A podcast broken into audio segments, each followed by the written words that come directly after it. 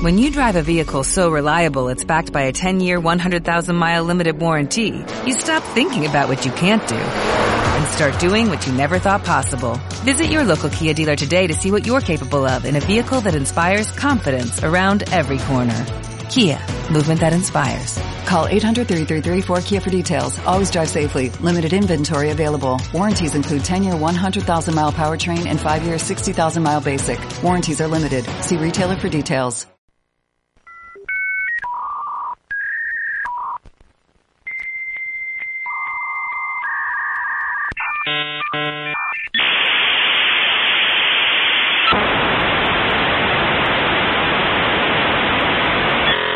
Radio Campus Cultura presenta Atlantis Stellae.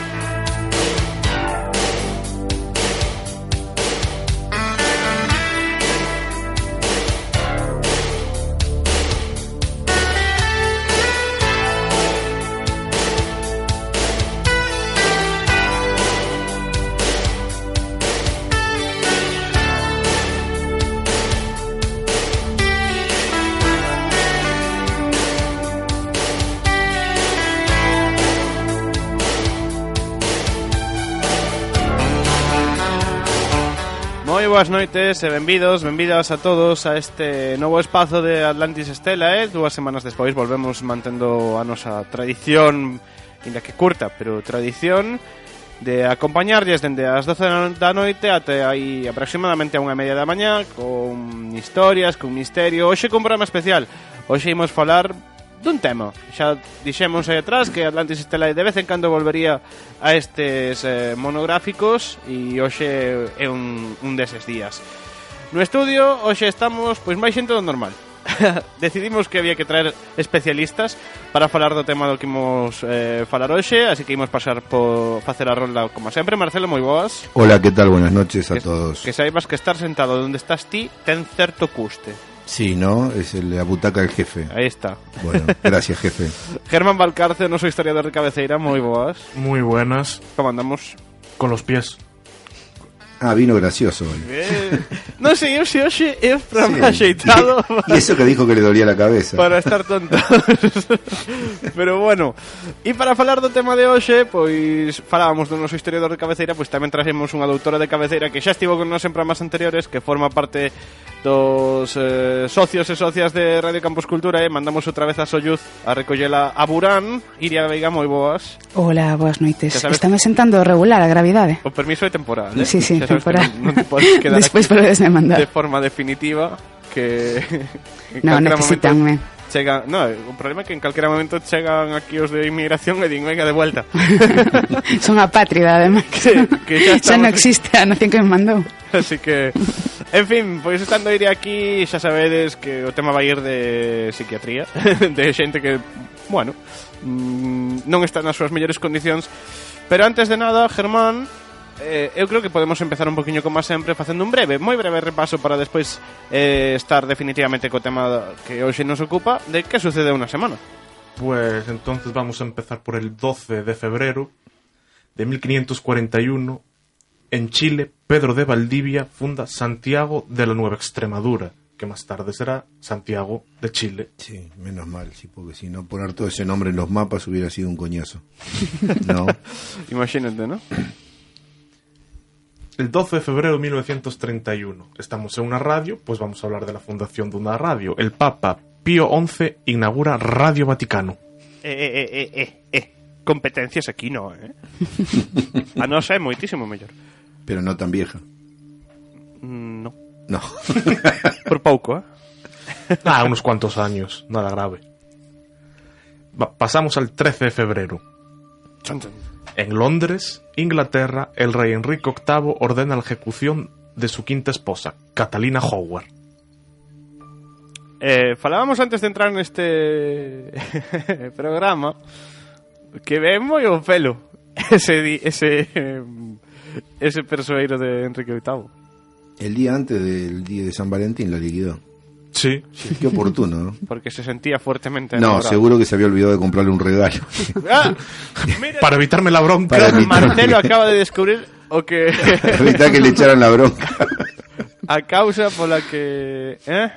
Mm, aquí tiveron un problema Enrique VIII a súa quinta muller... Quinta? Quinta. Quinta. En fin. Yo no digo nada, pero... Habría que haberlo matado a él. Igual sí, ¿no? Sí, hombre. Iria, que problema tería Enrique VIII? Aparte de unha posible ser un, po, un, po, un pouco eh, misógino. Un pouco misógino. Eu creo que o problema é esa endogamia que se trae a Casa Real dos Tudor durante tantos séculos. Pero sí que é verdade que se dixo que, que toda esta furia asesina de Enrique VIII cara ás mulleres viña a partir dunha caída de cabalo durante unha, un accidente de caza no que se describe como unha especie de cambio de, de personalidade postraumático é o que se chama un, un trastorno de personalidade orgánico é unha teoría porque, claro, non, non se pode facer un diagnóstico de certeza a tanta distancia pero parece que os tiros van por aí ou as guillotinas neste caso ¡Oh, qué bonito! qué, qué bien traído. Qué bien traído. está bien. Sí, sí. O sea, outro día decía Marcelo, ¿no? Que a guillotina era o que había que recuperarla. Hombre, ya te digo. Yo la echo de menos y eso que no viví en aquella época. O meu cuello di que no, que no ha votado nada de menos. Sigamos, Germán.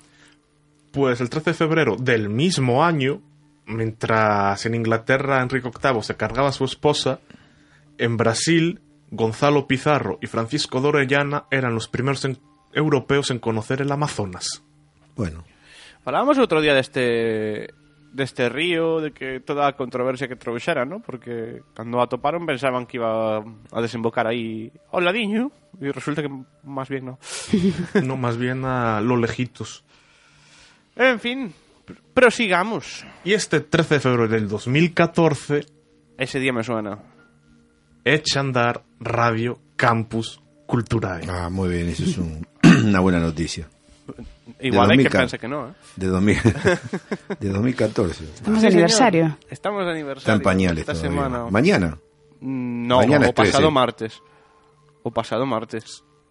Ah, claro, claro, tienes razón. O pasado martes, sí, señor. Cumpríamos catro niños y ben levados, eh? ¿Cómo pasa el tiempo? Increíble. Ti, ti e máis eu estivemos aquí dentro do principio, Germán. Sí, Pois sí, unha semana, bueno, tamén é o Día Mundial da Radio, nacemos así un poquinho declarando as nosas intencións, pero quen nos iba a dicir a nos que 4 anos despois de de iniciar Radio Campus Cultura eh, que íbamos a seguir aquí. Yo desde luego no lo que pensaba. Que íbamos ter estudio propio. Dous en breve. Sí, porque empezamos sin estudio. E quen nos iba a dicir que iba a estar Marcelo aí? Nadie. Nadie. Manu era el único que podía saberlo. Ah, xa sabes a quen non tetes que chegar unha noite de copas, Marcelo. Yo estaba primero. Él llegó. Algúnha cousiña máis, Germán? Del 13 de febrero, no. Del 14, sí. Dispara. Uy. Vaya. Bueno, a lo mejor en lo siguiente alguien quer- querría disparar a alguien. Contanos. En Estados Unidos, Elisha Gray y Alexander Bell patentan el teléfono, ya inventado en 1854 por Antonio Meucci. O tema do teléfono da súa invención descubriuse hai pouco, ademais, que, que non fora que non foran eles. Eh, pero, a ver, Pero estamos como Edison, es lo mismo, yo patento primero, yo me llevo el mérito.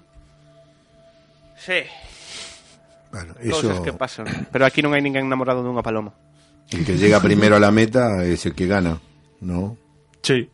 Así que si el otro se que demoró por el camino, No, bueno, aquí creo que hubo hubo un poco de Robo. robo industrial de... igual que con Edison, eh? Ed- Edis, a loita entre Edison e Tesla tamén é digno de o mellor un día dedicarlle un Atlantis Estela. E non sei se non, nos- non nos quedaríamos curtos. Que máis, Germán? Pues el 14 de febrero mil- de 1929, en Chicago, Al Capone lleva a cabo la matanza de San Valentín contra una banda rival. Este tamén se olvidara de mercar os regalos. Sí. No, Peste la tenía clara, ¿eh? Directamente. Non se cortou un pelo. Nada. Tamén, curioso, ¿no? Porque non o, non o prenderon por, por esto. No, todo el mundo, todo el mundo sabía a lo que se dedicaba, Bueno, pero eso pero como todo. no encontraron nunca pruebas. Tuvo que ser gracias a su contable que le pasó los libros de cuentas a Elliot Ness para Elliot Ness detenerlo por fraude. Fiscal. Claro, Es lo que estamos viendo ahora con estas tramas que están todos los días, es más o menos lo mismo. O sea, sabemos lo que hay, pero no hay manera de pillarlo de las pestañas. Entonces se les busca por otro lado. O sea, está bien. Sí. Máis ou menos sí, ven sendo algo parecido. Que máis, Germán? 15 de febrero 1898 En la bahía de La Habana explota el crucero Maine. Eh, a raíz de aí, bueno, que conste que botaron a culpa, igual non a tiñamos, eh?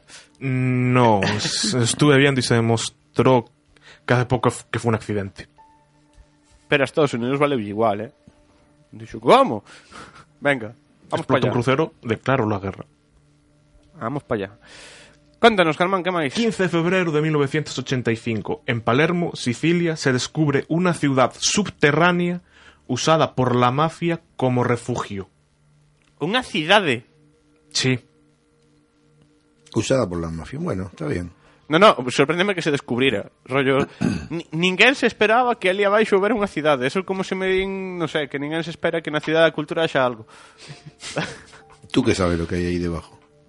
Uf, prefiro non saber.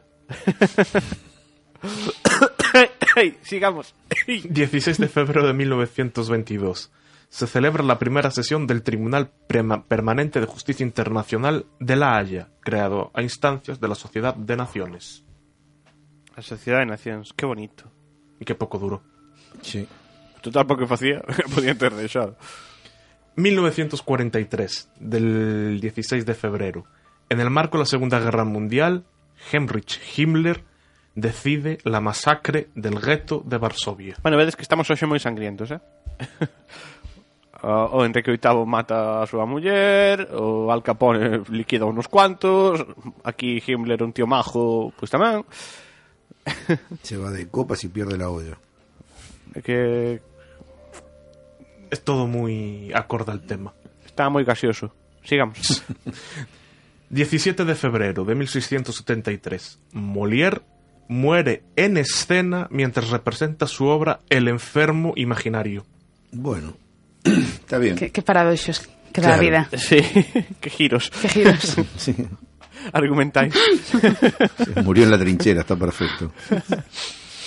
Sigamos, Germán. 17 de febrero de, febrero de 1894. Se estrena con éxito en el Teatro Apolo de Madrid la zarzuela La verbena de la paloma Bueno, todos sabemos por qué tuvo éxito, ¿eh? Por el Ministerio del Tiempo. Claro, si no, no salía adiante aquello. 17 de febrero de 1904 en el Teatro La Scala de Milán Giacomo Puccini estrena Madame Butterfly. Estamos muy sangrientos y muy culturistas, último, culturetas. Líricos, culturistas no. líricos más que nada. Bueno, pues vamos a seguir con la tónica entonces. En el 18 de febrero del 750, la dinastía Basí se hace con el control del Islam tras asesinar a casi todos los miembros de la dinastía reinante, los Omeya. Bueno, non sei se despois desto poderemos limpar o estudio de tanta sangre. Creo que vai haber que ir, non sei, que limpia a sangre. Lo que está claro es que en esas épocas no se gastaba en juicio ni se perdía el tiempo. Ah, Ahí se no. solucionaban los problemas rápidamente Ningún problema, vamos. y ya está. Iban Vía por, por la vía rápida, exactamente, hombre. Juicio sumadísimo. Ya está. Sigamos, Germán. 1519. En La Habana, Hernán Cortés, con una flota de 11 naves y un millar de hombres, emprende la expedición para conquistar México e iniciar años más tarde, pues, otra escabechina por allí. Por allí también. Odito, estamos hoxe moi sangrientos. Y para finalizar este mini repaso, el 18 de febrero de 1885, en Estados Unidos, Mark Twain publica Las aventuras de Huckleberry Finn. Alguén leu Huckleberry Finn? Mm, en Yo la sí. escuela, el- cuando era niño. Sí, hai moitos anos xa. Sí. Bueno, polo, polo menos hoxe eh, o libro que comentamos, polo menos límolo. Porque levamos unha rachiña que mi madre. Que siempre hay alguien que no lee alguno. Sempre hai alguén que non lee. Non se pode non ler. Hai que ler o Quijote, que- Sí. Romeo y Julieta. Bueno, yo me estoy leyendo uno, ahora una, uno de 1100 páginas, ¿eh? De 1100 páginas. Sí, El Antiguo Testamento. se llama Circo Máximo. Yo no leo 1100 páginas. ¿Por qué será que no me sorprende nada? Pero ti no teu li- tempo libre tamén les cousas de historiadores. Sí, é así de soy friki. Así. Ah, son friki. Entre los jueguitos y la historia... Pois, este rapaces, hombre... se vos parece, facemos un alto e poisemos manchar este estudio un pouquiño máis de sangue, porque non nos chega despois deste repaso que fixo Germán, no que, non sei, pero o 80% do, das, dos aniversarios eran un tanto sanguinolentos, pois imos seguir nesa tónica e imos falar hoxe, pois, de novamente recuperamos aquel tema de asesinos en serie, asesinos en general, asesinatos.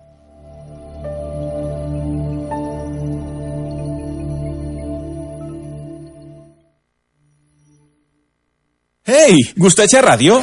Sabías que na USC hai unha radio aberta a participación de todo mundo? Radio Campus Culturae, a radio da diversidade. Sí, sí, Radio Campus Culturae está aberta a participación de todos e todas. Colabora con Radio Campus Culturae e fai oír a túa voz.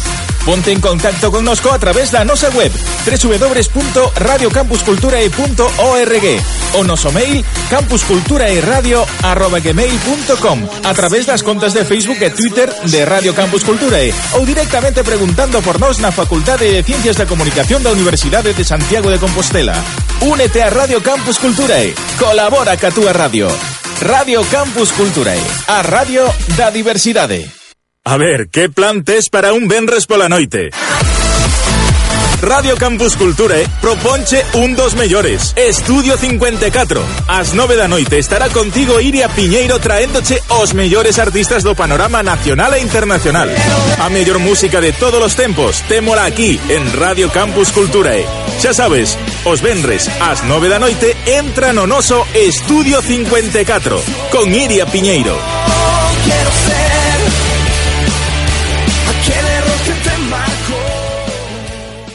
Estás a escoitar Radio Campus Cultura.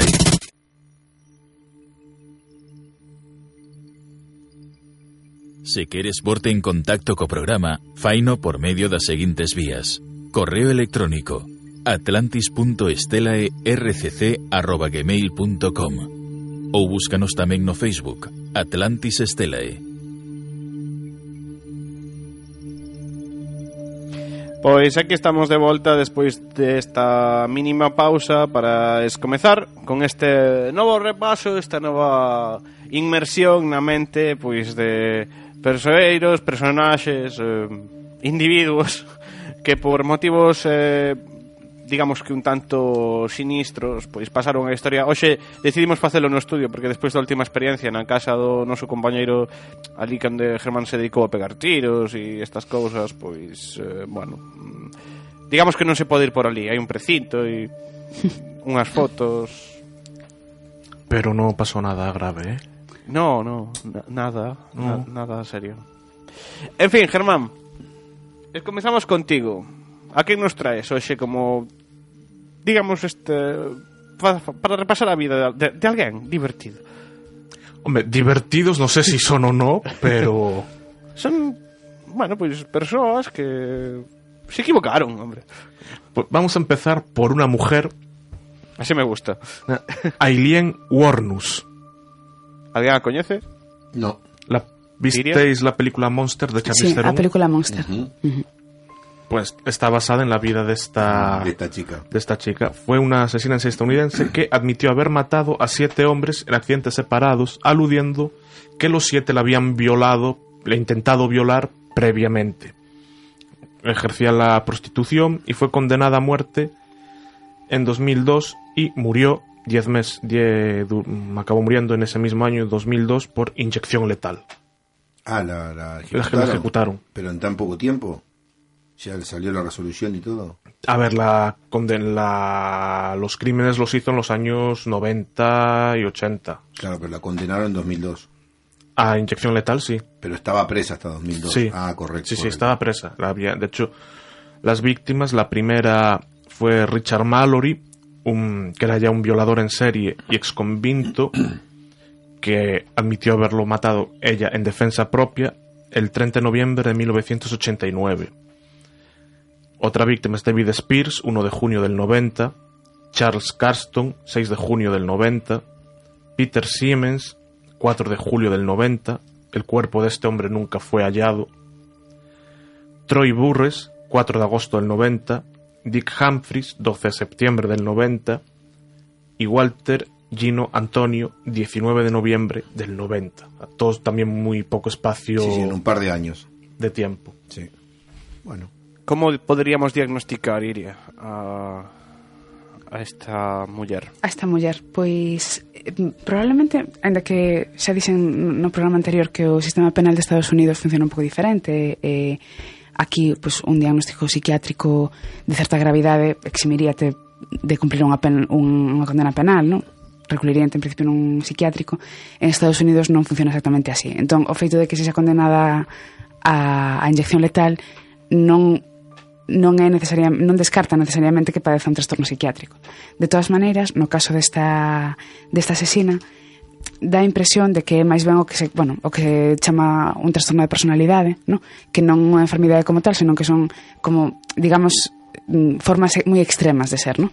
E volvemos tamén o que comentábamos no anterior programa de que hai xente que que a súa xenética, digamos que a predispón a, a cometer este tipo de actos, ¿no? Pues porque non sintan empatía ou porque teñen algún tipo de dificultade para, para controlar os seus impulsos. E hai outros casos, e creo que este é un deles, nos que igual unhas vidas tamén con, con traumas intensos, con estrés grave e con situacións complicadas, eh, pues probablemente tamén desencadenan este tipo de, de conductas. Despois falaremos en nun caso que nos trae que nos trae Marcelo, pero non sei se no caso desta muller habería un movimento de pois xente que incluso a apoiaba, porque podemos ler, com- comentábamos ahora Germán, que incluso eliminó a un ex violador, ex convicto, bueno, ex violador no, violador ex convicto, eh, y seguramente mm, algo de que dixera, pues pudiera ter razón. Claro, Eso puede hacer que ver. que... Hombre, Ella afirma que los Que era- que era en siete hombres propia, intentaron claro. abusar de ella. Xa é prostituta. complicado una- que sete. Pero bueno, Bueno, é complicado se cadras te dedicas a outra cousa. Se te dedicas Sí, a se te dedicas a prostitución, igual, prostitución, bueno, Claro. Hombre, ya, por ejemplo, probable, días con claro. esa gente. Aquí que tengo cosas, por ejemplo, de su vida y demás. Wormus afirmó que su abuelo abusaba físicamente y sexualmente de ella y que su abuela era, por ejemplo, alcohólica. O sea, ya no tuvo una infancia. unha infancia no- para bueno, nada sencilla. Claro. ¿no? Sí, e- eso tamén pode explicar que se cadra aínda que o, o violador en serie, pois sí, porque moi probablemente intentará abusar sexualmente dela, no? Pero moitas veces o que pasa é que os mecanismos de alarma, de alerta, de estrés, se disparan en situacións que igual non son tan amenazantes, no? Que un pode chegar a ler como amenazantes situacións neutras claro, ou Por qué? Porque a historia personal de cada un pues, márcanos e, e fainos entender que estamos sometidos a, a, a amenazas reais, como amenaza. neste caso, pois, pues, ela sí que o estivo, o estivo en algún momento, parece. Seguramente, sí que foi un caso moi mediático, creo, Germán, ¿no? No que Sí, sí, ya, y hay en la gente que ve en YouTube, por ejemplo, hay una la última entrevista que concedió Wormus, creo que el día anterior a ser ejecutada, Eso xa é canto menos chamativo, ¿no? Porque eh, creo, non o sei, falo totalmente de memoria, pero non suele ser habitual que os medios teñan acceso aos Mm, sentenciados a morte. fue un director de documentales el que le hace la entrevista. No me acuerdo del nombre, pero fue un director de documentales. De hecho, al final, como claro, él quiere indagar en, en su vida y los motivos que le llevaron a eso, como que Aileen está ya cabreada y le... Voy a hablar mal, aviso a menores que pueden escuchar esto, básicamente le dice, Espera, espera. Di, haz tu puta película. ya está. Cachán. enterou. Pero tal cual, eh, con- básicamente con esas palabras la acaba, es- la acaba espetando. Bueno. Porque también afirma que en la cárcel, eh, mientras en prisión, la, la torturaron con ondas sónicas y con no sé qué. Y ya se la ve que de cuando la capturaron en los 90 hasta el 2002, que la acabaron ejecutando, que la debía estar ya bastante tocada de la sustancia en la cárcel. Uh -huh. É probable, dende logo non ten que ser fácil estar na prisión estadounidense porque, bueno, todos sabemos que os yanquis non teñen imaginación. Entón, o que vemos nas pelis aproximase á realidade e non ten pinta de ser unha unhas cárceles agradables. Ningún é agradable, no? Pero Non creo que as estadounidenses Ah, Hay que ir a probar para determinar si es verdad o mentira. Pois ¿no? vai tirando. A mí, a mí es que me pillas liado. Estamos esta ¿Ah, semana de aniversario. Vamos, que- hacemos algo, vemos y después nos venimos. Eh, Después no. cuando nos pregunten decimos, bueno, es que queríamos ver cómo era. Tenemos un programa y queríamos hablar de primera mano. Claro, Era un, un afán totalmente Claro. documentalista. Claro. claro, claro. En fin, Germán, traes algún caso máis? Sí, ahora vamos a un hombre muy simpático, el llamado Jeffrey Dahmer, o el carnicero de Milwaukee. Mm. Deste faláramos algo? De pasada es posible que a lo mejor... Sí, alguna vez hablamos de este tío, ¿eh? Me suena el carnicero de Milwaukee. Hombre, el, el tipo hace honor a su nombre, se comía a sus partes de sus víctimas. Mi- Bueno. Mira a cara de Iria de... Está- eh, creo que Iria empeza a sospeitar cousas raras porque no anterior programa falamos eh, do caníbal este holandés que era realmente ja- eh, xaponés que facía sushi de persoas humanas Ahora falamos do carnicero de Milwaukee Eu creo que temos un pequeno problema ca comida Sí, eu, mentras non me recibades con un bote de ketchup e outro de mayonesa, Aquí, en, tranquila. aquí Todo en cualquier momento te recibimos con carpacho de Jonathan. Carpacho. Verdad, eh? non, se a mí o que me preocupa ser eu a merenda, despois esa outra. ah, despois, do- o resto podes habituar ¿no? O resto podemos negocialo. Muy bien. Quen era este home, Germán? Pues Jeffrey Dahmer fue un asesino en serie responsable de la muerte de 17 hombres y chicos entre 1978 y 1991. Ah, una etapa... Se- 78 a 91. Sí. O sea que se comía uno por año. Está bien, más o menos, de promedio. Por ahí. Oye, hay que 17. variar la dieta, ¿no? Entonces... Está bien. En Chivarcón, ¿no? Iba congelando e tal. Sí, tendría su, su congelador. O que y- pasa é que chama atención que tardaran tantísimo en collelo, non? Algo tan aparatoso, ademais. Sí, pero normalmente también algunos así lo que buscan es eso, jugar al gato y al ratón con la policía, Claro, ¿no? siempre hay ese punto así de... Bien, pues este Jeffrey Dahmer es conocido no solo por la cantidad de hombres casados, sino también que además por su canibalismo se comía Claro. al. Y de hecho hay una película que estrenada en el 2002 llamada Dahmer que cuenta la historia de, de Jeffrey, aunque tengo entendido que no es demasiado fiel. Sí. Mm.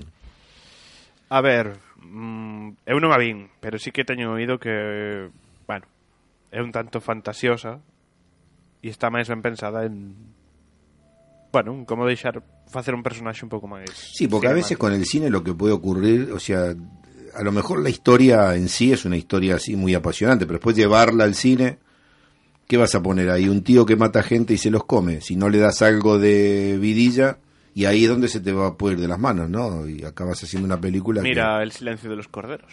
Bueno, no sé. Es muy difícil adaptar un, un texto al cine y yo supongo Así que a todo veces... estou de acordo con, con Iria, en que é raro que ninguén soubera nada, nadie sospeita nada, e imagínome declaracións de señoras en bata con rulos postos dicindo, ah, pues era un chico moi tranquilo, non me lo esperaba. Sempre se daba polas escaleiras.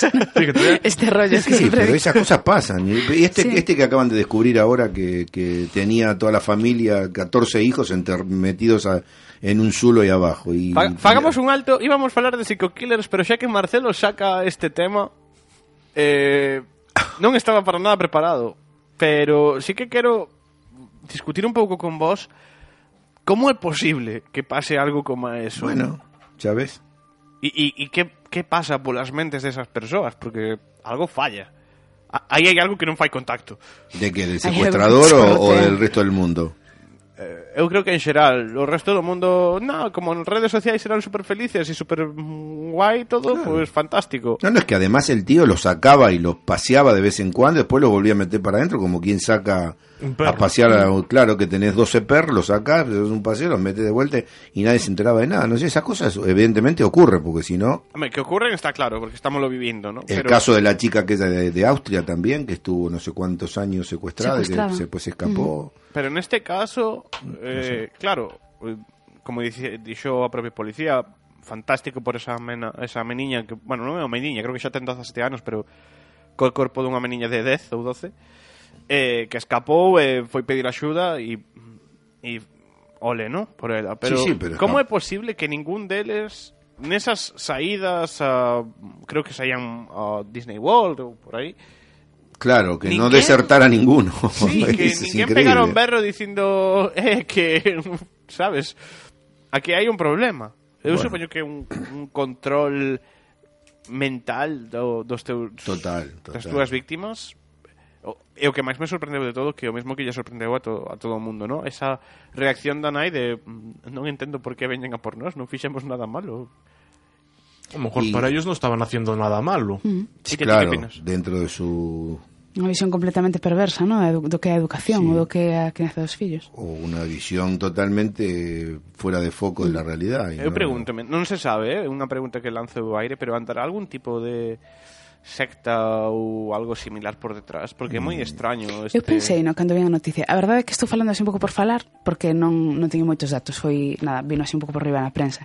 Pero pensei si, non sei, si tanto secta ou como algún tipo de creenza religiosa moi extrema, Pensaba tamén, por exemplo, nestes grupos de Estados Unidos que creen na curación mediante a fe que ás veces sí. tamén illan os nenos e teñen historias moi raras sí. para que non para que non se integren no sistema escolar ni no sistema sanitario. Tipo Amish? Mm, así, pero... No, ah, no, no, los Amis no, porque los Amis son bastante normales dentro de todo. Sí, pero... dentro de que van carreta y tienen teléfono, pero dentro de eso es bastante normal. Bueno, sí. pero... Sí, sí, no, pero son pacíficos, no sé. Sí. Pero sí, pero de eso puede haber, ¿eh? Alguna de esas corrientes que hay. A mí o correo se me dicir era o que o que máis me cadraba, ¿no? Dicir, a ver, aquí ten que haber un, un problema serio. E, e non só por parte de, de dicir, hai un problema nel, un problema nela e a típica frase esta de Dios los cría e ellos se juntan. ¿Sabes? Porque No, a lo mejor el tipo también ejercía alguna suerte de control sobre la mujer y la acaba poniendo de su lado, cuidado, ¿no? Non sei. Xa chamativo incluso o feito de que teñan 14 fillos ou 12 ou quero decir, iso xa soa por si sí mesmo a, a algún tipo de historia religiosa rara. Sí, Que abundan en no Estados había Unidos, por ningún outra tipo banda. de control de la natalidad Claro. ni nada. Aparte, no sé, no iban a la escuela tampoco, ¿no? No, estaban pero, escolarizados. pero eso en Estados Unidos é posible. Mm, E aquí tamén. Aquí tamén Sí, agora. sí, aquí dende hai anos xa é posible eh, escolarizar na casa. Sí, pero lo tenés que comunicar. Sí, Pero que comunicar, vez que comunicas e non hai ningún claro, problema en principio. E creo que, que tes unha serie de seguimentos, de que, permiso todo eso, este... Pero... Sí, se cadra aquí probablemente o seguimento se máis estricto, pero en principio ti non tes obriga de escolarizar os teus fillos, tes obriga de, de proporcionar esa educación, pero non unha educación reglada. E claro, para mí iso é un problema tamén, porque elude moitos mecanismos de control deste tipo, claro. Sí, seguro. O sea que calquera día teremos aquí en Galicia... a ah, non moito tardar. Cuidado con Iria, ¿eh? Que sabes os trucos. Yo, si hubiera sabido eso, no mandaba a mi hija a estudiar, me había ahorrado una pasta, que ya te digo. Eso é outra, outro bo criterio. Germán, tes algún caso máis? Iba mm, a contar con eso que dice de por qué no, no pillaron a Dahmer y demás. Una cosa curiosa, uno de los crímenes de Dahmer. En julio, voy a, voy a leer literal lo que tengo. En julio de 1978 encontró a Stephen Hicks haciendo autostop y lo llevó a su casa. Dahmer tenía la fantasía de recoger autotopistas, bueno, se acostó con él. Y una vez en su casa se dio cuenta que Hicks no le interesaba y cuando este quiso irse, Dahmer no pudo soportarlo y lo golpeó en la cabeza con una pesa para luego estrangularlo. Luego lo desmembró y lo puso en bolsas de plástico. Y las metió en su coche para al vertedero a tirarlas.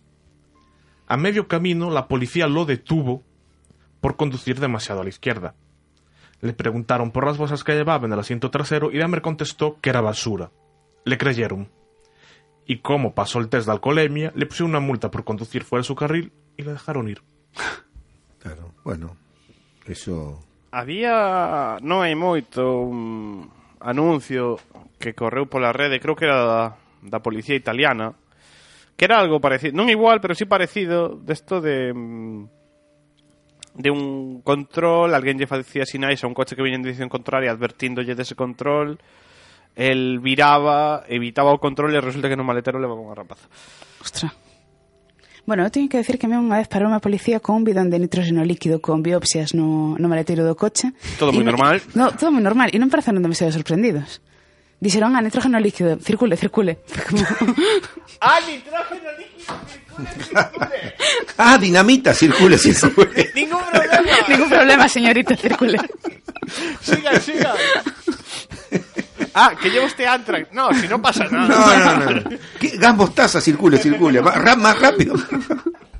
Y, a- Muy y- bien eso. y un chaval que conozco yo lo detiene la policía y se lo pone, le- lo habían detenido después de hacer senderismo, llevaba los palos de andar y dijeron, oiga, eso es un arma blanca, ¿qué hace con ello? Puede pinchar a alguien con eso y matarlo. Claro. Claro, ahí me pararon Pero nitrógeno, bien. ¿sabes? Claro. Eso es Palos de bien. escalada no, pero nitrógeno Eso es bien. sin A mí me pararon una vez en Cáceres, en, en la ruta de La Plata, y me abrieron el auto así en todas las puertas y todo maletero y todo, y me metieron un perro adentro que anduvo como 15 minutos oliendo. Yo supongo que estarían... Después lo que cheiraba era ser ti. No, claro, yo supongo que estarían esperando un coche de las características del mío, evidentemente, porque aparte no paraban a nadie. Yo bajé en una rotonda y estaban allí, pum, Eso pasó y fui el elegido. Pero Y- sin can. Claro, y el perro se bajaba porque no encontraba nada y lo volvían a meter, como diciendo, venga tío, que te trae algo. Tes unhas pintas moi extrañas, Marcelo. E o can pensando, pero que me dicen traballar, Claro, pois y hai el nada. perro al final se bajó y se sentó y como diciendo, listo, déjenlo ir que no tiene nada. O mellor de todo ese momento de Vale, continúe y tú. De nada, eh. Claro. Tengan ustedes una buena noche. En fin, Germán, ¿algún caso máis? Mm, No, pero decir que a Dahmer lo arrestaron el 22 de julio de 1991 cuando Tracy Edwards, su última víctima, consiguió escapar esposado y la policía lo vio y ahí sí que decidió investigar Es que era obvio, seriamente. sí, hasta que no se escapara alguno o hubiera algún cometido un error. Porque además, ese tipo de crímenes, si el criminal es capaz de hacer desaparecer el cuerpo y no hay no se produce el tema en, en un lugar donde haya testigos o no sé, a veces puede ser de que Ás veces parece de que increíble haya todo o que vivimos. sí, eh. de que Sí, haya- porque ademais supoño que as víctimas constarán como desaparecidos. Sí, home, decir, a ver, claro, creo que no caso que de creo que no caso de Jeffrey Dahmer, pois eh, encargábase ben de pois secuestrar eh, rapaces que exercían a prostitución, Claro, iba, elegía sus víctimas, xente que obviamente. non vai ter Claro. ninguén que o bote de menos, Claro. drogadictos. Un extranjero, uno que venía de otros estados, está en Estados Unidos, la gente se mueve dentro del país, pero es tan grande aquello y que son extranjeros prácticamente. Que uno que va de Oregon a Kentucky, Sí, ademais eso, xa te digo, eu que sóname que Jeffrey Dahmer eh, pois eso, escollía drogadictos, eh, esos rapaces que exercían a prostitución, mm, ese tipo de porque además tú desapareces y te tiene que reclamar alguien. Claro, ¿cuánta Claro. gente hay? ¿Cuántos desaparecidos hay que la que no reclaman? Que no hay gente en, en- en las morgues, hay gente Sin reclamar. sin reclamar, es increíble, ¿no? Que haya una De hoy feito, en este, en aquí este- en estos Santiago e Iria se, que sei que lle gusta un- bastante este tema de le la gustan a Iria. conspiración e tal. Aquí en Santiago tivemos un caso, eh, dun, dun cadáver que estivo sen reclamar, non sei se foron cerca de 20 anos, que incluso Iker Jiménez chegou a decir que viña de outro espacio-tempo Bueno, como non, claro. años. normal. Algún- era explicación o caso Normal. de Rocambolesca. Sí, sí, El caminante claro. de O Boisaca, camiñante Boisaca, sí, sí. Que foi unha cousa Sí, de todas formas eu sempre digo que para, para todo este tipo de cousas para min hai unha época pre-ADN e pos-ADN e que na época pos-ADN siga habendo xente sin identificar a min pareceme Pero é ata certo, francamente pu- ata certo punto normal porque, por exemplo, aquí en España non estamos todos todavía na base de ADN. Claro. No, no, claro, pero quero decir, sí que é verdade que no cando momento no desaparece unha todos xa será persona máis sinxelo, xa será Sí, como, pero que cando desaparece unha persoa, aínda que non apareza, Sí, pues sí que las se huellas lle pide digitales también y sin embargo, que eso es más viejo y las huellas digitales tiene todo el mundo, las tiene registradas. Sin embargo, No, pero non sei se hai unha base de datos en España de mm, huella sí, digital, hombre, ¿eh? ¿cómo que no? No te toman las huellas No digitales. Para cuando- hacer el carnet tienes que las huellas, Te sí. toman la pero huella. Despois non sei se a- ahora sí, pero antes creo que non as guardaban ¿Cómo no las van a guardar? ¿Y sí, para qué te las tomaban entonces? para comparar, para compararlas se aparecían en algunha escena, pode ser, eh? para comparar. Hmm. eh, e comparar en caso de que chas tiveran que volver a pedir, comparar a túa huella ca huella que levas no DNI. Pero sóname que en España non había, ata non hai moito, eh, digamos, censo de, de huella digital. Non sei. En fin, bueno, rapaces, eu creo que mm, podemos seguir por un caso e, e despois xa vai Marcelo, uh -huh. pero podemos ir con un caso que afectou moito aquí a Galicia e que de feito pois eh, é un caso histórico, chegou a facer incluso unha película eh, bueno, todos sabemos por que habeu certo grupo de homes porque hai un par de escenas un tanto tórridas Sí, pero porque es el Zapataki solamente. pero El Zapataki no es un hombre. no, No. Ah. pero aí hai un par de esceniñas un tanto curiosas. Imos falar de Manuel Blanco Roma Santa.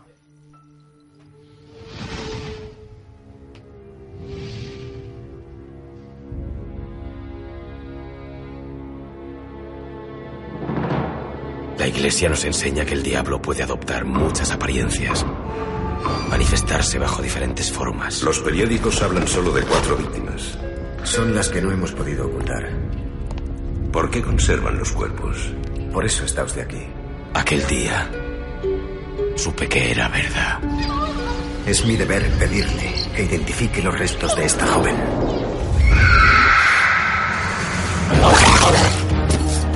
No es al lobo a quien debes temer.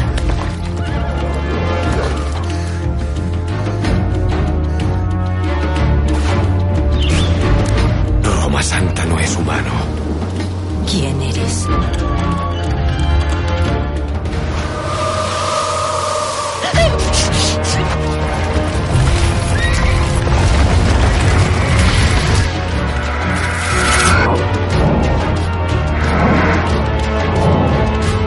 Cada vez mata más gente.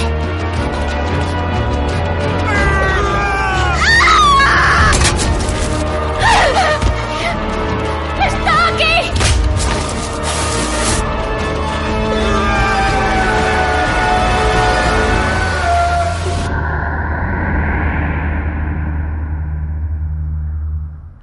Manuel Blanco Roma Santa foi bueno, eh, un personaxe eh, curioso, par particular, podemos dicir, ¿no? Eh, eu non sei, vos coñecedes este caso de Manuel Blanco Romasanta? Sí. sí, sí. Marcelo? No. No. Como se nota que non eres de aquí. Sí, es pues, eh, considerado el que el, el único hombre lobo, ¿no?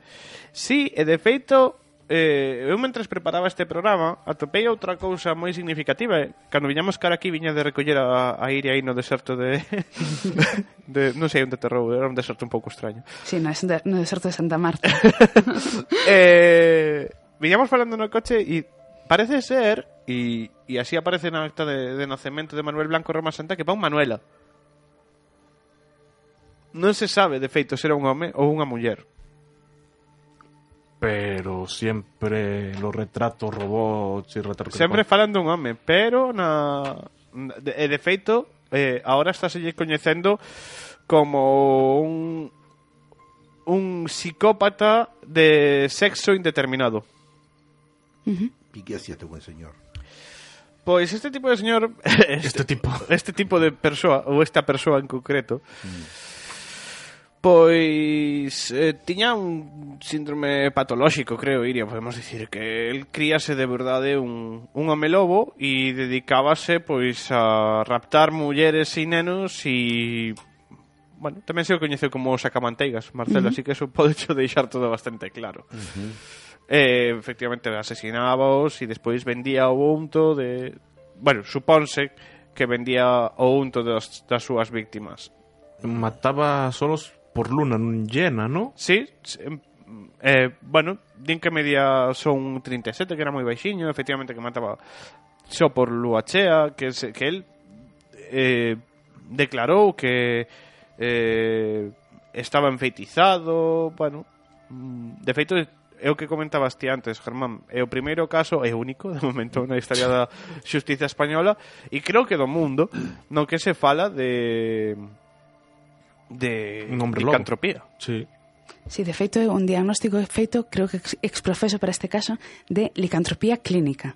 Licantropía clínica. É dicir, que eh, non, evidentemente non pensaban que fora un home lobo de verdade, senón que daban por válido no? que el se cría un, un home lobo. Pero sí que é verdade que despois na sentencia, eh, a sentencia final, eh, di que o, toda esta historia do home lobo é como unha especie de subterfuxio que ele utiliza para non, para non cumplir cadea E de feito despois ao final acaban condenando como criminal ordinario. Non, non cumple... Como que el tipo se cría declararse enajenación mental para... Sí, na, na, nosa, na nosa linguaxe xurídica de agora sería iso, non? Declarar, declararse incapaz mentalmente. Eh, non sei como contemplaría nese momento, pero basicamente era iso, non? Era intentar facer, facerse pasar por tolo ou por tola eh, para safar, non? De feito, si, si me deixades leovos un, un anaquino da sentencia que me parece super gráfico, Sí, claro. que di, eh, Manuel Blanco calcula medios, mide y combina tiempos, modos y circunstancias. No mata sin motivo, ni acomete sin oportunidad, conociendo que hace mal se oculta, seduce para robar, mata para ocultar, reza para seducir. Conoce el deber y la virtud para desoírlos. Luego de su conformación de sus actos, de su historia, de sus disculpas mismas, se evidencia que Manuel Blanco no es loco, ni imbécil, ni monomaníaco, ni lo fue, ni lo logrará ser mientras esté preso. Y por el contrario, de los datos referidos resulta que es un perverso, consumado criminal, capaz de todo, frío y sereno, sin bondad y con albedrío, libertad y conocimiento. El objeto moral que se presupone es el interés. Su confesión implícita fue efecto de la sorpresa, creyéndolo todo descubierto. Su exculpación es un subterfugio gastado e impertinente. Los actos de piedad, una, añagaza sacrílega. Su hado impulsivo, una blasfemia. su metamorfosis un sarcasmo. Eu flipei con esta sentencia. Dixen, jo, pero que ben escribían antes, tío. O sea, pero que, poética, que, que poética. Qué bonito. A ver, básicamente, a pesar de toda esta palabrería que fallase un pouco un pouco poético e un pouco oscuro, ¿no? As dúas cousas, eh, o que ven a dicir é, eh, non es loco, ni imbécil, ni monomaníaco. É dicir, nin ten un trastorno mental que o incapacite para, para entender o que está facendo, nin ten un retraso mental que, que poida eximilo de responsabilidade criminal. E despois di, eh, su piedad, una añada sacrílega, su impulsivo, unha blasfemia, su metamorfosis, un sarcasmo. ¿no? É dicir, non nos creemos nada desta rollo do, da transformación en home lobo. E de, de feito foi encarcelado eh, de farto ordinario. A mí gustaríame moito que ao final se chegara a facer o, o plan que tiña en mente un, un hipnólogo que parece ser que pediu permiso á xustiza Española daquela en, no, no 53 para hipnotizar a Roma Santa. Sí, xusto. Sí. E iso eh, parece ser que ou ben non se chegou a facer ou ben non hai constancia por escrito, pero eu creo que sería todo o momento. Esa non se Roma Aseguraba Santa. que tiña curado xa outros pacientes e sí, pedía sí. que, que iso, que antes de executalo que o deixaran hipnotizalo. E chegou a pedir, por favor, a, a, a entrada da Rainha Isabel. Sí, e, sí, e sí. feito foi liberado por foi, bueno, liberado da foi liberado da pena de morte por, por Isabel II. Conmutouse a cadea, o sea, a pena, a pena capital por cadea perpetua. E morreu en Ceuta, supónse que por cancro de estómago e mm, non se sabe onde están onde está adestrado. Ah, ate, soterrado, perdón. Adestrado tamén. Que, como se cría un can ou un lobo ou algo así. Claro. Pois igual, tiñas que decir, sienta, quieto. Pero lo llevaron a la cárcel o a un zoológico cuando lo condenaron. Bueno. ¿Era, era hombre lobo o era hombre? Era Ceuta. Creo que pringou como un campeón. Claro. Campeón. Ai, sí, na peli mátano, creo, pero na realidade Sí, no. sí, sí. Creo que... Bueno, la película, como dijimos antes con la de Dahmer, puedes hacer lo que quieras. Na película creo que el Zapataki colle unha bala de plata e... Ah, qué curioso. Claro, porque na película eu non a vin, pero creo que aceptan o feito de que Roma parten da, da base de que realmente era un home lobo, non? Sí, Sí, sí. Sí, sí, de feito hai transformación e mm. Monto, sí. A mí moito máis que o do Lobo resulta interesante esta, este tema da intersexualidade. Porque... Pode que tivera un conflicto, quero dicir, falamos dunha época pois eh, totalmente pechada ese tipo de mm, trastorno, ¿no? de da sexualidade. E pode que ese conflicto de creerse home, ser muller ou viceversa, seguramente era muller e críase home, pola altura, digo, sobre todo, e por esas dúbidas que hai no na acta de, de nacemento, pois pode que lle provocaran esa violencia e unha forma de xustificala fora alegando que era un, un home lobo. Seguro. Sí, eh, despois tamén se di que el ata que enviudou, porque realmente Roma Santa chega a casar cunha muller, e, e posteriormente enviuda e que el ata o momento de enviudar ten unha vida perfectamente normal e organizada Eh, Xastre, creo ou sí, dedicase a, a cortar traxes e en principio non hai ningún signo de violencia. E iso despois de que esta, de que esta persoa falece que ele empeza a facer este tipo de cousas. Entón sí, podemos lelo como un conflicto se cadra, non? eu tamén escoitei unha explicación máis mm, máis biolóxica que a mí non me convence moito que que este tipo de, de persoas con estes problemas intersexuais ás veces teñen tamén problemas hormonais. E é moi típico que, que teña un, unha secreción exagerada de testosterona porque teñen unha certa eh, inmunidade, por decirlo así, aínda que non se utiliza esa palabra, a testosterona. Entón, si pode ser que esa alta carga de testosterona fose o que o incitaba a violencia. O que pasa que a min esta, esta explicación non me convence moito porque os homes teñen mm, unha carga alta de testosterona de, por sí e por sorte non todos os homes se claro. creen homes lobos e comen xente, non? Oh. Pero... Cuidado, eh? As, as veces iso es un pouco tocados, un pouco Sí. regular, pero. Un pouco. Solo a veces. Solo a veces. Pois, Marcelo, se queres seguir ti, Sí, yo no tengo ningún problema, pero poneme un poquito de música. a ver. Ahí como para...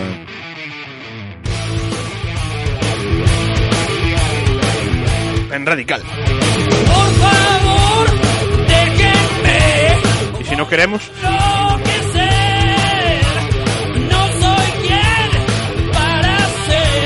Marcelo. Bueno, eh, vamos a eh, música argentina. Vamos a hablar de un caso muy emblemático que es moderno, pues de los años 90, que es el famoso caso de Ricardo Barreda.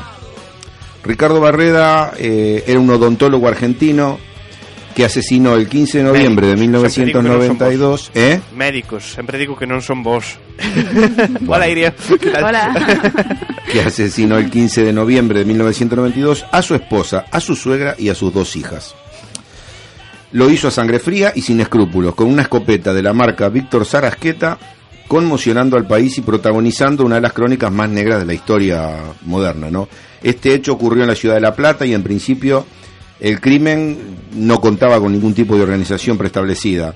Eh, todo se adjudica a la mala relación que había entre el homicida y su esposa Gladys, sumada a su suegra y al rollo de sus hijas. ¿no? Según comentó en el juicio, la matanza no fue sino una más de las constantes, una consecuencia más de las constantes humillaciones a las que estaba expuesto. Entonces, acá lo que es interesante, que es lo que yo quería leer, ¿no? un poco para ver el personaje, en definitiva, es eh, textualmente la declaración que hizo él en el un fragmento de la declaración en, en el juicio oral, ¿no? Él dice, aquel domingo bajé lo más tranquilo, o sea, esto ocurrió un domingo, ¿no? Ellas acababan de almorzar. Pasé por la cocina y le dije a mi esposa, voy a pasar la caña en la entrada, el plumero en el techo porque está lleno de insectos atrapados que causan mala impresión. Iba a quitar las telas de araña y esas cosas en el tejado. O si no, le digo, voy a cortar y atar un poco las puntas de la parra que ya andan jorobando, jodiendo, viene siendo, ¿no? Voy a sacar primero las telas de araña de la entrada, que es lo que más se ve. Y la mujer le dijo, mejor que vayas a hacer eso, dale, anda a limpiar, que los trabajos de Conchita son los que mejor te quedan y es para lo que más servís. Conchita viene siendo eh, coño, ¿no? O sea que su familia lo llamaba coñito a él, ¿no? Claro. Eh, que son los que para mejor servís. Entonces él dice, no era la primera vez que me lo decía y me molestó sobremanera. El asunto viene a que yo me atendía a mi ropa, si se me despegaba un botón me cosía el botón, es decir, me atendía personalmente en todo lo referente a mi indumentaria. Al contestarme ella así, sentí como una especie de rebeldía y entonces le digo, el conchita no va a limpiar nada la entrada, el conchita va a atar la parra. Para hacer eso había que sacar una escalera del garaje. Voy a buscar un casco que estaba en el bajo escalera, porque tuve dos conocidos que haciendo casos similares se vinieron abajo y tuvieron lesiones serias en la cabeza, y entonces yo me había comprado un casco de esos de obreros de la construcción, y voy a buscar el casco y encuentro que fuera del bajo de la escalera, entre la biblioteca y la puerta, estaba la escopeta parada. Los cartuchos estaban al lado, en el suelo, en una caja, y así habían estado desde hacía mucho tiempo. Y ahí, bueno, fue extraño. Sentí como una fuerza que me impulsaba a tomarla. La tomo, voy hasta la cocina donde estaba Adriana y ahí disparo. ¿No? O sea que el tipo, ya vemos cómo, cómo se, se- se manejó en ese momento. Entonces, claro, él, él llega a la cocina, entra allí, estaban su, su esposa, y no, estaban su, su, su hija, una de las hijas y, y su esposa. Y ahí se mata a las dos. Luego viene la suegra, que viene un poco por los gritos y por todo el escándalo, mata a la suegra. Y acto seguido mata a la otra hija, que es la última en aparecer, o sea que quedan las cuatro allí en la cocina. Eh, ¿Qué es lo que hace él? Eh, generar todo para simular un asalto. O sea, fríamente, su intención era que parecía un asalto, entonces eh, desparrama papeles por el salón, vuelca los muebles, desordena un poco la escena del crimen, borra las posibles huellas, recoge todos los cartuchos que quedaron allí y se va. al cementerio a visitar la tumba de su padre. Y poco después se va a una pensión, bueno, a lo que viene siendo un hotel alojamiento en, en Argentina, con una amante que él tenía, una tal, una chica que llamaba, una señora que llamaba Hilda Bono.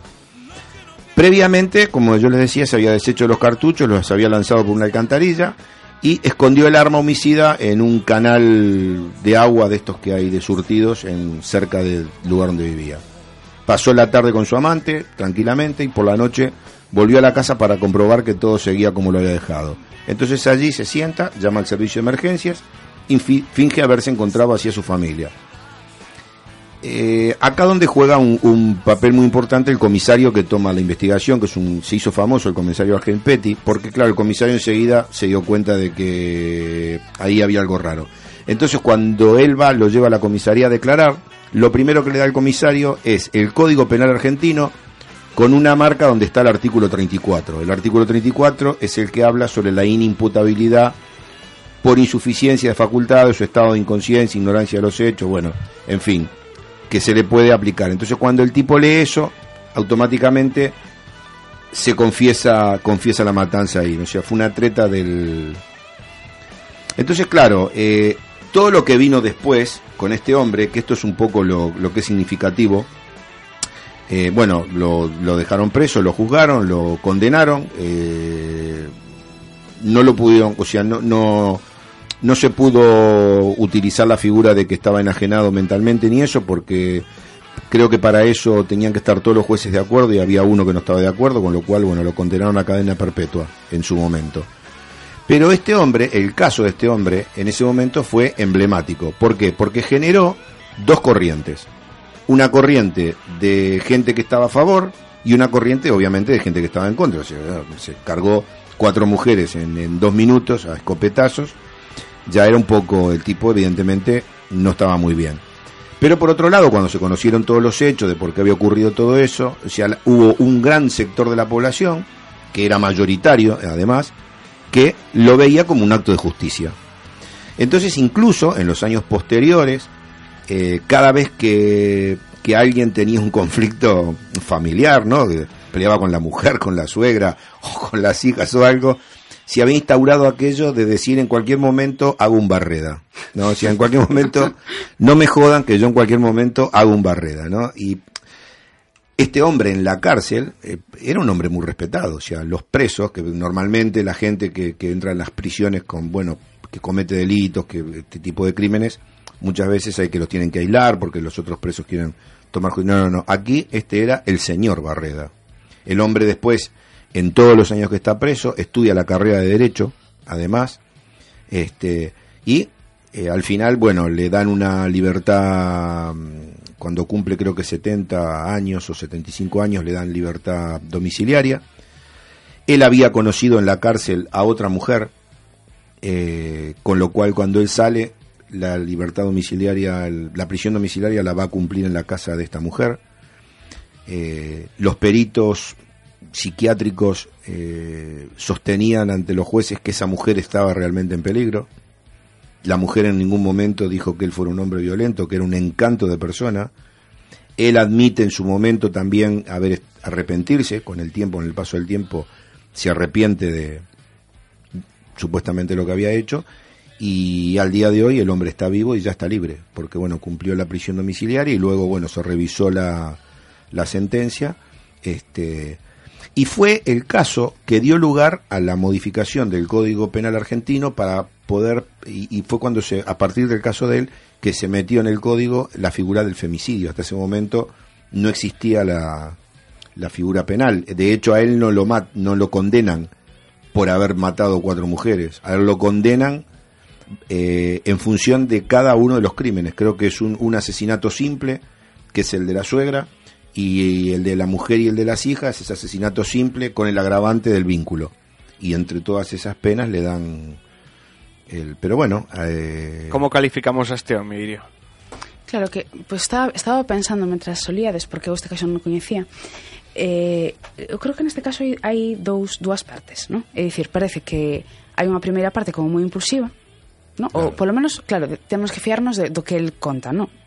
dar por, fei, por dar por bo a, o relato que el fai dos feitos. E despois hai unha segunda parte na que o que é realmente planificado é o, o intento de buscarse unha coartada. Entón, sendo, sendo magnánimos, poderíamos pensar que, que sí que foi unha, unha enaxonación mental transitoria e cando realmente volve en sí e se decata, intenta tapalo. Hombre, claro. Claro. Eh, eso é o que parece. Entón, non parece non parece nese sentido un psicópata, non? Parece unha persoa que, que nun momento fai un clic, non? O que chamaríamos iso, claro, claro. desde o punto de vista legal, sería unha naxanación mental transitoria. O que pasa que, claro, a iso, o feito de intentar despois ocultalo, de cara a un, xul, a un xulgado, pues quítalle, quítalle un pouco de valor. Claro. claro. Sí, porque, a ver, yo, lo, más que nada el caso me lo que me parece interesante, ¿no? Por, por llamarlo de alguna manera, es eh, es el hecho, digamos, de cómo la sociedad ve cierto tipo de, de actos, ¿no? Que lo que yo dije antes, que lo toma como un acto de justicia. Es decir, A ver, eu creo que aí tamén entra, eh, e por isto tamén a, a necesidade de figuras como a do feminicidio, no? que na, no ideario colectivo as mulleres moitas veces seguimos sendo propiedade dos homes e podemos ser asesinadas si, si facemos algo que non está ben. Claro. Porque evidentemente calquera persoa normal e calquera persoa con dos dedos de frente, aínda que reprove esa actitude humillante das mulleres, o que ve, o que hai que ler aí é unha desproporción. Claro. No, é dicir, ningunha actitude por humillante que sexa, se merece que te peguen dos tiros. No, no, claro. a mí pero, que me impacta pero si se lee da outra maneira, no de A mí o que me impacta neste caso, Iria, é que que tamén elimina as súas fillas. Sí, sí, y a la, Sí. a la última que mata, a la, a la pequeña, la que de 24 años, era su preferida además. Pero bueno, pero eh, eh, eh, eh, las cuatro mujeres de la familia, evidentemente, eh, cuando lo atacaban o cuando entraban al trapo con él, era como que formaban un grupo, ¿no? O sea, evidentemente, bueno, esto después también se hizo toda una investigación, se habló con gente que los conocía y bueno, y hubo muchos testimonios que dijeron que sí, que en realidad era un hombre que vivía una situación un poco complicada, ¿no? Y yo supongo que allí a lo mejor estaría eh, la suegra que dominaría un poco el, el tema y generaría cierto tipo de, ¿no?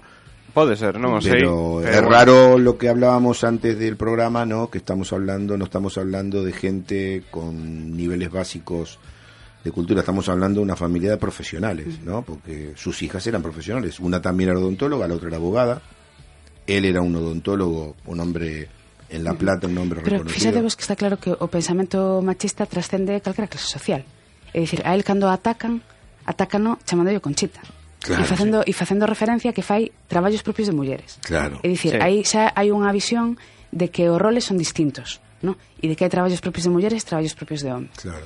Entón, está claro que nese núcleo familiar que funcionaba mal e que era Obviamente. tiña un funcionamento eh, Nocivo complicado e perverso, e perverso claro. tamén había, dentro dese funcionamento perverso, tamén había ese tipo de concepcións, no? De, do que é propio de homes, do que é propio claro. de mulleres, e probablemente, pois, pues, el tamén, eh, en, en certa medida, eh, compartía ese tipo de ideas, no? É dicir, alguén que, que acaba facendo iso, hai un sustrato de pensamento que, que aínda que o acto en sí sexa un acto impulsivo É unha parte como algo que detrás. di, ahora vais a ver, sabes? Quen o- manda, que ¿no? sí. sí, ou quen é o realmente. Exacto. Eu creo que vai un pouco por aí. A, a muller que podo ser, ¿no? Pum, pum. Sí, sí, exactamente. Bueno, se han escrito libros, se han, se han hecho series de televisión, eh, cada vez que se pasan o que se han pasado estas series, obviamente esto acaba siempre con un debate con gente, con profesionales, ¿no? Que tratan un poco... ¿Para de- qué crees que tenemos a Iria? Trata- no, no, pero es que está bien, porque incluso acá había una parte que yo también había traído que estaba, que era bastante, era muy interesante, ¿no? Porque, por ejemplo, eh, la mujer que era su amante, esta Hilda Bono, eh, obviamente declara como testigo. Y la mujer dice que cuando se enteró por la prensa lo que pasó aquel día, se sintió conmocionada, porque ella no había notado nada en él en esa tarde que pasaron juntos en un hotel luego de que él Que había hecho. ella. claro O sea- claro claro. El tipo esto fue a la mañana al mediodía porque habían viste que dice que habían almorzado o sea que tiene que haber sido a las 2, 3 de la tarde en Argentina es la hora que se come un domingo y este hombre después pasa hasta la noche porque esto él no llama a los servicios hasta la noche como hasta las 9 de la noche. Se va se pasa 4 o 5 horas con su amante y tan como si aquí no hubiera pasado nada, ¿no? Se fue un encuentro como los encuentros que tenían siempre. Entonces, claro, ahí eh, es un poco cando Seguro. menos, ¿no? Sí. Sí, sí, sí. Unha capacidade de illamento bastante Sí, grande. pero bueno, todo esto dio lugar a bueno un cambio en el Código Penal, a la a poner la figura de, del femicidio, o sea, ya evaluar el, el- o sea, que pase a ser un agravante, ¿no? A veces eh, este tipo de cosas, porque claro, en ese momento es decir, yo creo que si eh, con la ley que tenía en Argentina en ese momento, si él en lugar de haberlas matado, las hubiera molido a palo a las cuatro, hombre, no prácticamente no hubiera habido ningún delito. En que ano era? 1992. Aquí tampouco, eh? Aquí ata 2004 que se pon en No, claro. de Bueno, no, a ver. Era un delito de lesións e, e podías mm, realmente mancar moito a unha persoa e, e, e, e non entrar preso. Y, bueno, e yo, prácticamente eh, non... yo hay una cosa, por ejemplo, que comento siempre, ¿no? Cuando, porque claro, eh, como dijo Jonathan hoy, yo no soy de aquí, vengo de afuera. Y, hombre, acá la violencia de género es un problema, está claro. Eh, pero yo a veces pienso, yo digo, pero si acá en España la gente supiera lo que es la violencia de género en Argentina, flipas. Porque sí, la violencia de género en Argentina, y, ahora que hay una ley que tiene unos 20 años y que hay un montón de cosas, pero digamos que eh, en los sectores de medio para abajo es una constante y, y, y- y- y además, bueno, no se denuncia ya directamente. O sea, se, se soporta, se aguanta y, bueno, aparece algún caso con otro cuando ya hay algo, ¿no? Hubo un caso que lo habrán leído en la prensa, que es al revés, es esta chica que asesinó al novio, que salió incluso acá en la prensa española también, ¿no? Porque es, bueno, es uno de los pocos casos Son o caso, sí. Esta máxima periodística, no? De que cando un can morde a un home non é a noticia, a noticia é cando morde un can. Exactamente. Y, pero bueno, no sé, este es un caso bastante... Bueno, así como cuña imos decir que se coñeces un caso ou, ou eres víctima 016, non deixa rastro na factura, por favor, denunciade. Rapaces, vos Doctor. parece se facemos unha mínima pausa no Sí, señor. doutora tela aí ao lado. Xa, xa lle pedín que che receitara despois aí un eh, par de Despois facemos unha ronda. Que me recete algo. Ronda de chupitos. Tengo, tengo, tengo y no los tomo, ¿eh? Ah, vale, vale. ya, xa me De- parecía después bien que- cuando cortemos les cuento la, la anécdota. To- todo, todo tenga súa explicación. Sí, señor. Facemos un mínimo alto, pasamos Dale. uns minutiños da unha da mañá, voltamos de contado. Chao.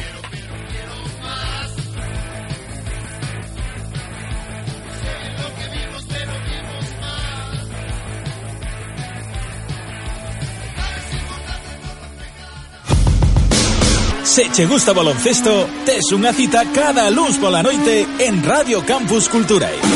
Todos os luns, dende as 10 da noite, Planeta Obra, Ca actualidade da ACB centrada sempre na evolución do equipo de Santiago de Compostela, o Cabo Obradoiro, e a partir das 11, o mellor da Liga Norteamericana en NBA Adictos, cos colaboradores habituais. Lembra, todos os luns, ás 10 da noite, Planeta Obra, e ás 11, NBA Adictos. Presenta Manu Guiao. Bienvenidos al club. Radio Campus Culturae. Mix Club, En Radio Campus Culturae poñemos de ritmo ás túas fins de semana. Mix Club, todos os sábados dende as 10 da noite. Mix Club, unha cita semanal ca música electrónica, dende o dance ao EDM até o tech house e minimal máis underground. Eres tú lo único que yo tengo. Músicas en pausa para que non pares de bailar ningún segundo. Mesturada por este que che fala, Tony España, e tamén con DJs invitados. Mix Club, cada sábado a partir das 10 da noite en Radio Campus Culturae. Paixón pola música electrónica. Radio Campus Culturae. Radio Campus Culturae.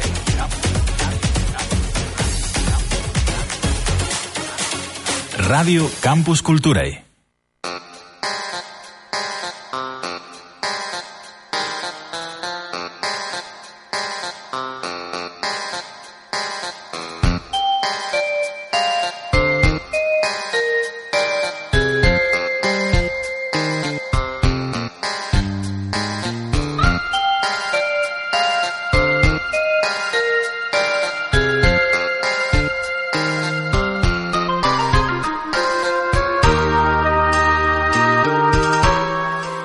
Vos non o sabedes, pero aquí nada máis empezar a sonar esta música. Bueno, Germán como que se indignou, ¿no? Porque fue ya coller aí a Select Game. Con razón estaba acá dando patadas contra el suelo. Claro. Una rabieta. Todo tiña sentido. Eh, Marcelo? Sí, sí, ya veo. Marcelo, non te, non te escoitamos moito. Chégate aí o micro. Acá estoy, acá Ahí, estoy, sí, acá sí. estoy. ¿Quieres que te silbe? No. Ah. Dame un silbidito. No. Eh, e por que puxen hoxe esta mm, este ton de Final Fantasy VIII? Pois porque eh, foi un xogo que en España lo polo ano 1999, máis ou menos. Sí, más o menos, o cuando salió, sí.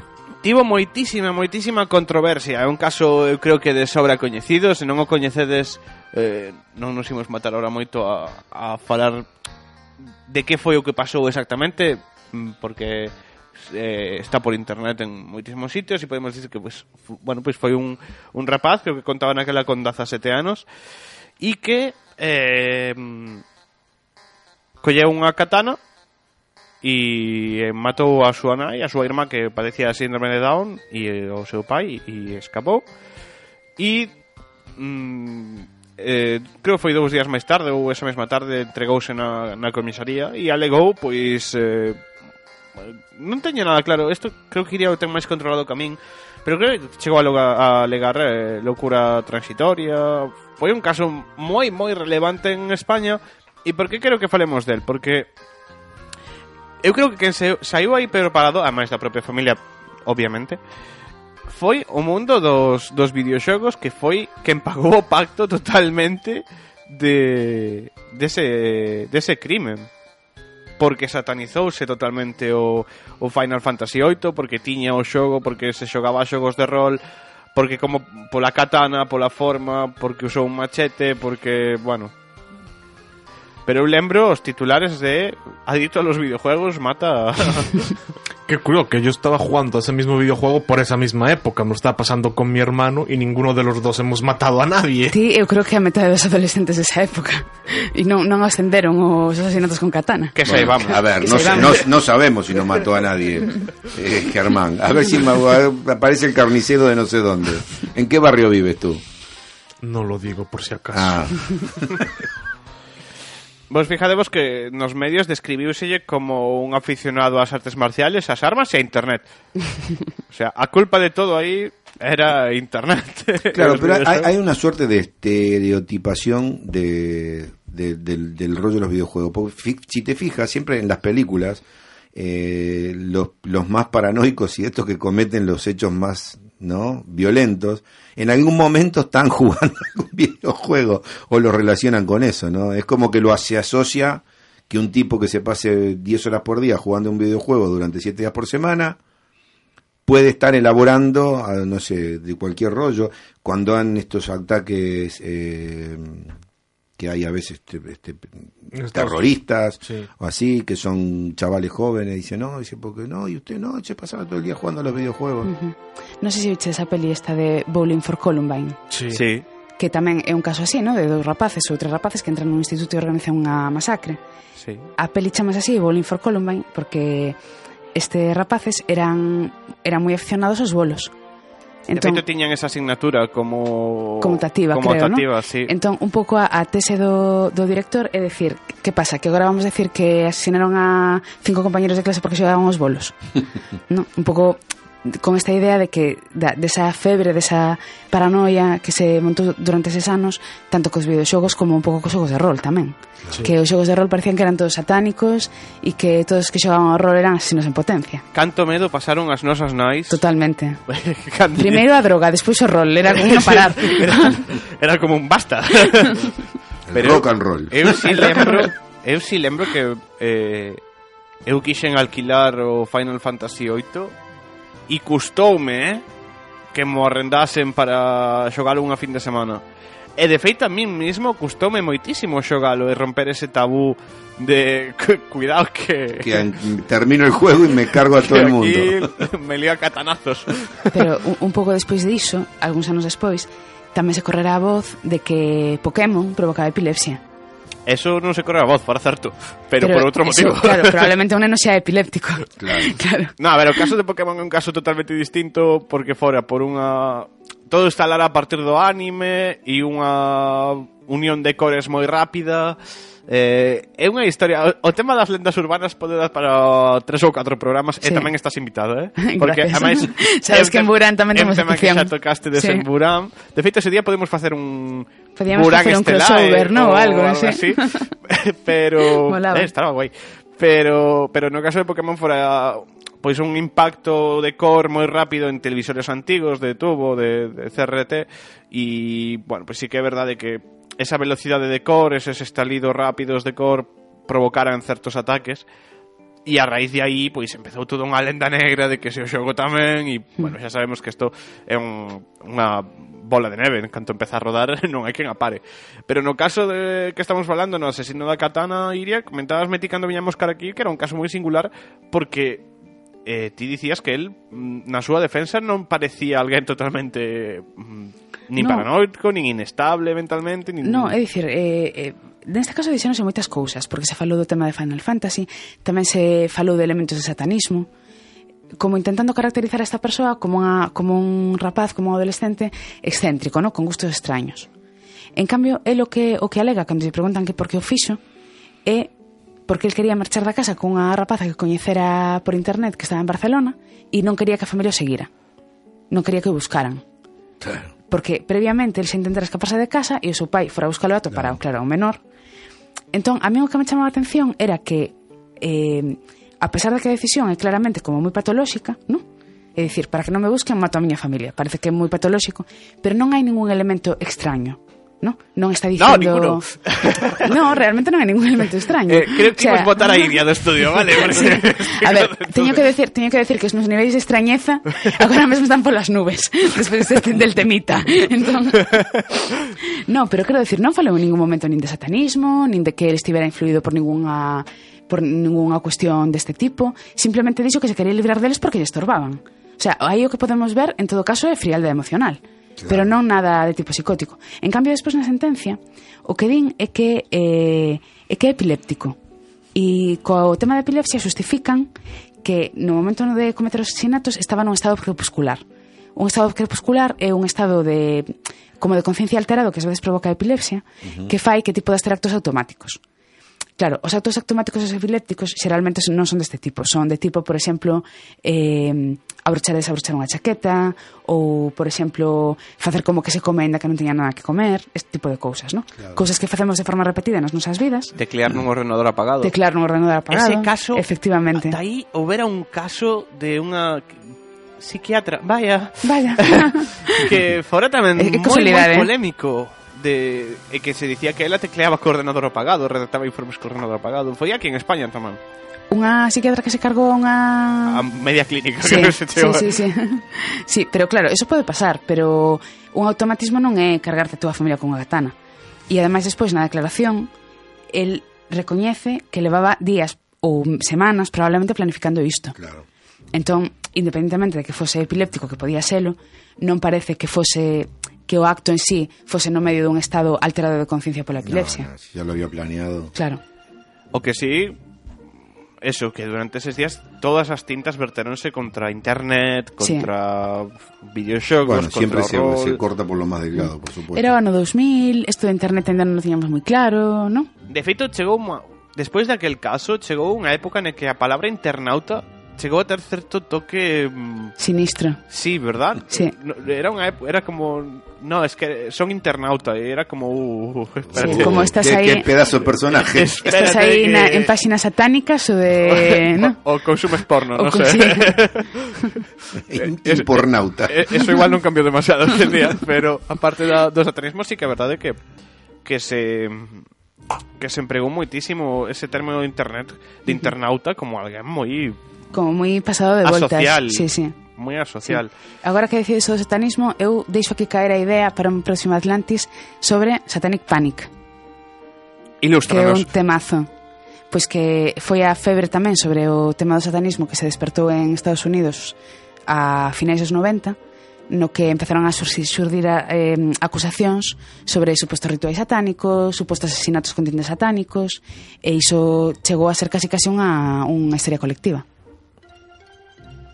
Así que eu aí o deixo. Xa, xa nos deixou trabajo. Tomamos nota. Te das cuenta, xa la traemos de invitada e nos deja trabajo. Ella nos traballo. Sí, unha cosa de loco. Quedannos 10 minutiños de programa e eu non quería marchar sen falar dun dos casos eh, máis perversos da historia dos crimens en España que é un caso que nos pedía Iria aquí na pausa publicitaria, que é o que foi coñecido como asesino da baralla. E, e foi, eu creo que estes típicos eh, psico-killers estadounidenses foi a versión española pero tal cual, con firma Con baraja española. Co... Sí, de feito creo que creo que usaba porque eh, Lin revisando os datos para o caso Lin que usaba tanto baralla española como Lin que usaba francés, non o sei, tampouco creo que sexa un dato demasiado relevante a non ser que de pronto apareza un imitador, que xa era o que nos faltaba. Claro. Pero eh, este sí que podemos dicir, iría, que o, o caso de asesino da baralla xa é un caso de psicópata total. Sí, dende logo, total. Unha persoa que non ten a menor empatía, nin, nin aprecio pola vida humana allea, e que mata basicamente para facerse notar. Sabedes a que caso me recordaba un pouco, salvando moitísimas distancias, o de o da asesino da Baralla? A can? A Zodiac. Un pouco. A Zodiac. Sí, pola maneira de, é dicir, non polo da baralla, pero sí pola forma de, de cometer os crimes. Unha aproximación rápida, un tiro prácticamente sin intercambiar palabra coa víctima. Era un pouco ese modo superandi. Mm, Pode ser, sí. Mm. Ten... E iso é raro porque xeralmente os psicokillers eh, sí que buscan algún tipo de, de, de comunicación coas víctimas. É dicir, ten que ter un sentido iso para eles, non?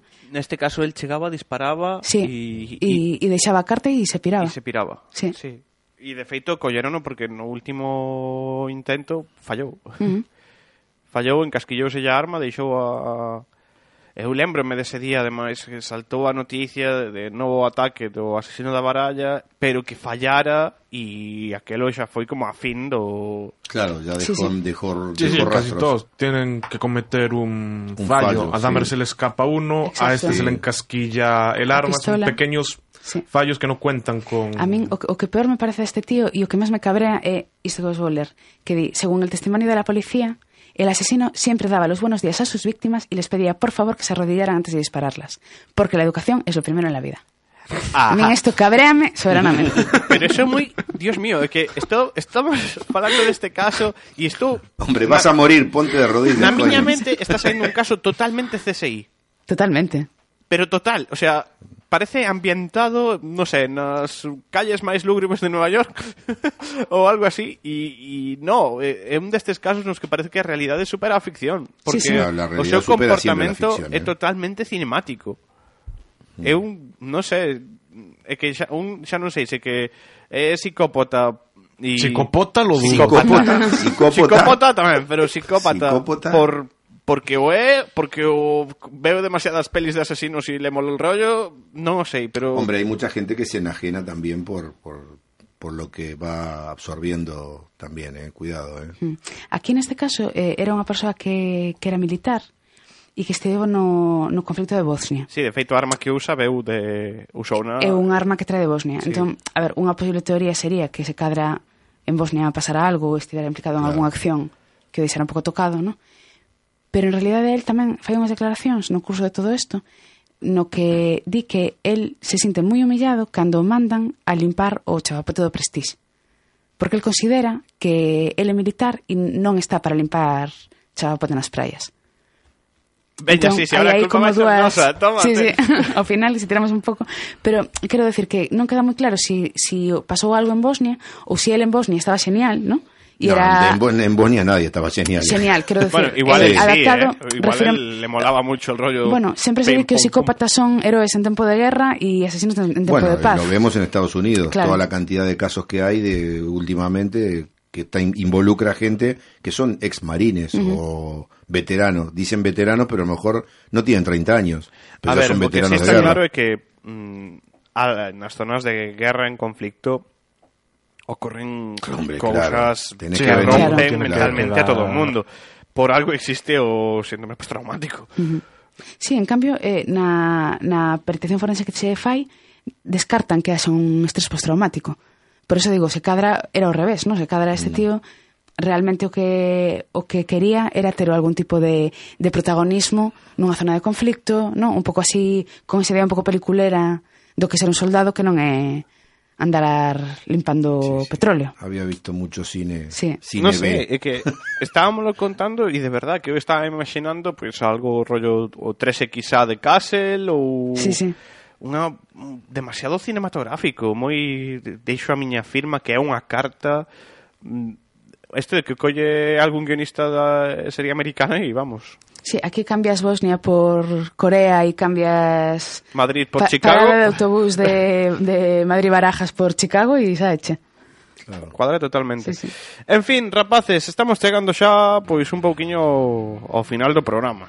Sí. Xa vais sendo hora, unha sí, media sí, de mañá. Hombre, ya tenemos sueño, hambre, Remata sed. esta semana de, bueno, a decir festa, ¿no? De Radio Campus Cultura, eh? na que festexamos o noso aniversario, catro niños con todos vos. E, e queremos seguir, queremos seguir facendo programas e seguiremos facendo Atlantis Estela dentro de 15 días non sei se con iría ou non, xa veremos porque claro, como nos manda traballo igual pensa que non vai ter que vir e Ah. aquí, si post deberes Eu, todo depende de si está libre a Soyuz. Ah, claro. Baixarme. Pero bueno, quédome con, con esas ideas que propuxeches, quédome con facer ese crossover Burán Atlantis Estela. Sí, eso que. Eso pode ser Sí, unha sí. festa moi grande aquí no estudio de Radio Campos Cultura. De feito, igual votannos cando pagamos eso. Pero aí queda pendente Moitísimas grazas, Iria, por acercarte ata, ata aquí. A vos, Tes un na placer. porta xa, eh? Ahora xa despegas directamente dende aquí. Moitas preocupes. grazas. Marcelo, a ti escoitamoste o Benres en el tren de medianoche. Sí, señor. Que Sí, moi, moi interesante o programa Sí, de onte. ¿te gusta? Sí, Bueno. ben. Germán, igual, a ti en Select Game. Sí, correcto. Con Final Fantasy. Digo por empezar a escapar. ¿Y la katana? No, no, hablo de, de otros juegos. Final Fantasy no aparece. Non apa Aparece en Far Cry. Oh, uf, no, pero ese xa apareceu. Ese xa está Pero a semana que, o sea, no seguinte programa Eres capaz de meterme un Final Fantasy. E saio correndo, xa cho digo. Sí, sí, sí. Saio de aquí, vamos, como alma que lleva el diablo Que bien traído Rapaces, que nos vemos dentro de 15 días Que podedes escoitar Atlantis Estela e nos podcast Tamén na reemisión que fai Radio Campus Cultura e cada noite E seguide a escoita co resto de grella Que é moi, moi interesante. Chao. De que dentro de 15 días, chao, chao. Chao, chao. Chao